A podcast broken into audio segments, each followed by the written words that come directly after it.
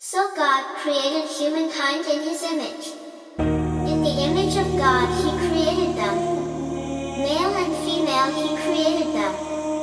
God blessed them, and God said to them, Be fruitful and multiply, and fill the earth and subdue it, and have dominion over the fish of the sea and over the birds